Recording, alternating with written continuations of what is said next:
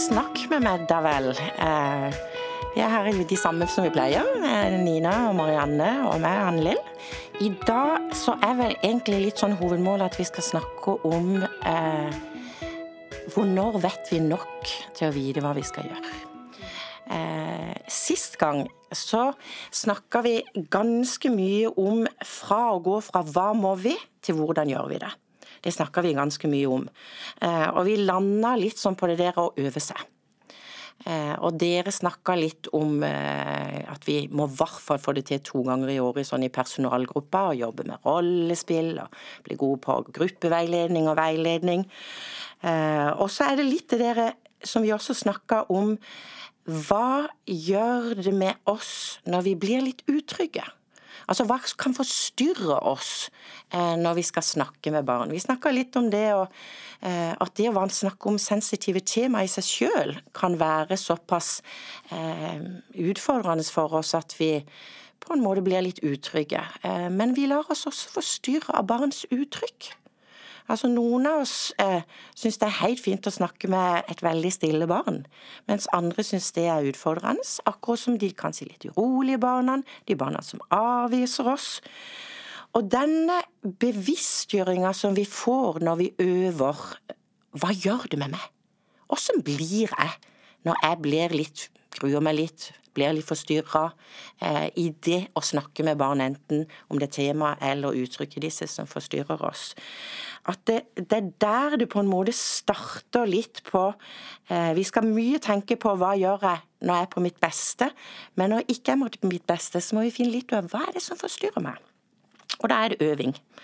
Eh, sånn at eh, det å øve to ganger i år i barnehagen eh, på akkurat det med å snakke med om de vanskelige temaene, er jo helt supert, sånn som dere gjør.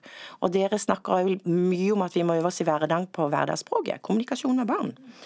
Eh, men når det gjelder det å øve seg, så tenker jeg at både undersøkelser og erfaring viser at vi trenger å øve oss mer enn det vi gjør. Eh, derfor er det blitt eh, fra Bufetats side så har RVTS-ene i Norge fått et oppdrag om å lage en sånn plattform på nett. Hvor det selvfølgelig ligger en del stoff om vold og overgrep og kommunikasjon. Men det spesielle er at du der kan øve deg ved å simulere samtaler med barn. På en måte en slags spill, men en simulering hvor du kan velge barn i ulike aldersgrupper. Om du jobber i barnehage, er i skole, er helsesøster Nei, det heter det ikke lenger, det heter helsesykepleier. Eh, nå kommer det også noen simuleringer fra en tannlege, fra en legevakt og fra en fritidsetat eller fritidsaktivitet. Ehm, fordi vi alle som jobber med barn, trenger å bli bedre til å utforske når vi er bekymra om noe. Det som da er så spesielt med dere snakkemedbarn.no, som er nytt, det er jo disse spillene. Eh, og så er det kanskje også det at når vi går på kurs for å bli bedre til noe, sånn som vi pleier når vi går på kurs, så er det gjerne det å strekke seg veldig mot en gullstandard. Altså, det er sånn vi bør gjøre det. Det er det på en måte også i dette snakk med barn.no, men selve pedagogikken og implementeringa i forhold til å simulere, den er litt annerledes. Den er litt mer sånn Kunne det ha vært sånn? Altså, En kan øve seg på ufarlig fordi det ikke er barn og altså Det er ikke en reell situasjon på å trø feil. Ikke sant? Vi kan stille ledende spørsmål. Se hva som skjer. Det er sånn tre alternativs.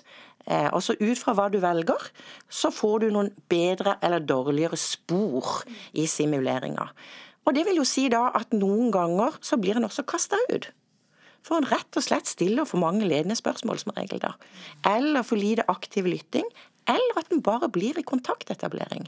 At ikke en går inn i det temaet en har tenkt å utforske. Og På den måten så får en jo også kjent litt på hva gjør det med meg når et barn er skikkelig forbanna? Skjeller meg ut? Eller hva gjør det med meg når barnet nesten ikke sier noen ting? Eh, som får kjent litt på de følelsene, på hvordan blir jeg da, og hvordan påvirker det min kommunikasjon. Og På den måten så tenker jeg at snakkemedbarn.no er et supert supplement eh, til alle som jobber med barn i hverdagen sin, eller alle som ønsker det, eh, til å kunne gå inn og øve akkurat når det passer deg. Du kan gjøre det på kvelden hvis du plutselig får lyst. Du kan si 'nå skal jeg simulere', det er jo litt kult å si til ungene òg noen ganger, ikke sant? Eh, og du kan eh, på jobb, hvis det plutselig er en, en dag i vinterferien f.eks., de kanskje så mange barn, at to voksne kan gå fra, spille sammen, kan reflektere og drøfte sammen. Så det er noen kan gjøre alene, to og to, eller i grupper. Og så er det jo der Plattformen inneholder også en del sånne temafilmer som kan være nyttig å se og reflektere rundt, som handler om kommunikasjon med barn, og kommunikasjon om sensitive temaer. Så bruk eh, snakkmedbarn.no. Eh, alltid tilgjengelig, koster ikke noe. Du behøver ikke altså, gå på kurs for å lære det. Alle kan bruke det. Det ligger åpent på nett. Eh, så ja, det var kanskje nok reklame for i dag. Bra reklame. Ja, jeg tror det, for det er jo litt i dere mengdetrening. Det er det som både gjør oss bevisste, og det er det som gjør oss bedre og tryggere. Mm. Men litt tilbake til dagens tema. Vi skal snakke litt mer om eh, når vi nå har vært bekymra, fått funnet mer ut om bekymringa vår. Eh, hvor når vet vi nok til å vite hva vi skal gjøre? Ja, når vet vi nok? Um, det er jo alltid et spørsmål om uh, hva er det som er grunnen til at vi, vi bekymrer oss. Uh, og hvis det er en sånn bare en sånn anelse, en magefølelse på at noe eh, kan være eh, ugreit for et barn, så begynner vi å samle informasjon og samle observasjon og ser, eh, ser etter om barnet reagerer forskjellig i ulike situasjoner. Kanskje vi har en, eh, en Mikkel og Mina-samling eh, som vi holder på med i Vennesla, eh, for å se åssen barnet reagerer. Eh, og så er det jo bare å, å, på en måte observere, prøve å prate med barnet. Men det er jo det vi syns er vanskelig. Eh, men det vi har veldig god erfaring med i Vennesla, det er at hvis vi er bekymret for et barn, så kan vi ringe Så det er ganske åpen linje til barnevernet. Så vi kan ringe og drøfte saker anonymt. Eh, og da kan vi få en, eh, en trygghet på at hm, ja, dette syns jeg dere skal se mer på. Her må dere ha opp, mer observasjon. Mm. Eh, og vi vil komme ut i barnehagen eh, og observere, kan barnevernet si. Eh, vær snill å sende en melding med en gang, eller eh, samle mer observasjon, og så kan vi snakkes, og så ser vi om det skal sendes en melding. Ja For Mm, mm. Og så er det veldig viktig å notere ned, sånn at vi har det svart på hvitt. Hva er det barna sier, hvordan er det i de situasjonene? For når du skal gå tilbake, kanskje noen uker tilbake, så kan det være vanskelig å huske. Sånn at når du skal ta det opp med foreldre, barnevern eller de du skal prate med, så er det veldig godt at en har notert ned. Mm. Vi har laget et sånn observasjonsskjema eh, som er lett tilgjengelig. Eh, for eh, alle i personalet som henger ute i, personalganger. Eh, der det sånn, hva, hva, var situasjonen, hvem var med, hva ble sagt, hvilken rolle hadde du? Ja, for å gjøre det lettere å observere. Så bra. Det er Spesielt det dere sier nå om En ting er å huske. Hva var det som ble sagt eller gjort? Men også det hvordan kom det fram? Det er jo det vi har snakka om i tre podkaster. Hvordan får vi barnets stemme fram? Eh, for observasjon er én ting, men hvordan kommer barnets stemme fram? Jeg har lyst til å gå litt tilbake til å se på I Norge så forholder vi oss til eh, barns rettigheter. Altså Barnekonvensjonen. Eh, som går over alle våre lover. Det har vi nå bestemt i Norge. Og eh, når vi på en måte skal beskrive og notere og dokumentere barnets stemme, så er det også uh, utrolig viktig akkurat det du sier der, Marianne, med at vi har et skjema for hvordan kom det fram. Hva gjorde Marianne eller Nina? Hva sa du, og hvordan sa du det? det altså, hvordan beskriver der observasjon? Vi prøver å, å, skrive ned akkurat det som skjedde. Eh, og så er det jo en, eh, en treningssak. Noen syns det er kjempevanskelig. Eh, og noen bruker mange ord, og noen bare skriver helt konkret selve samtalen. Eller selve årsaken til at man følte at eh, dette må vi jo skrive ned. Så vi har det. Og så kan vi planlegge mange samtaler med barn, men en kan liksom aldri planlegge når den samtalen kommer. For det er jo akkurat når det passer for barnet. Det kan jo være med en vikar eller en av oss ansatte. altså Det vet du egentlig aldri. Så den må liksom Den må jo være på hele tida. Mm. Men men det, å dokumentere hvordan, eh, hvordan, er det å lage dokumentasjon på et enkelt barn i barnehagen?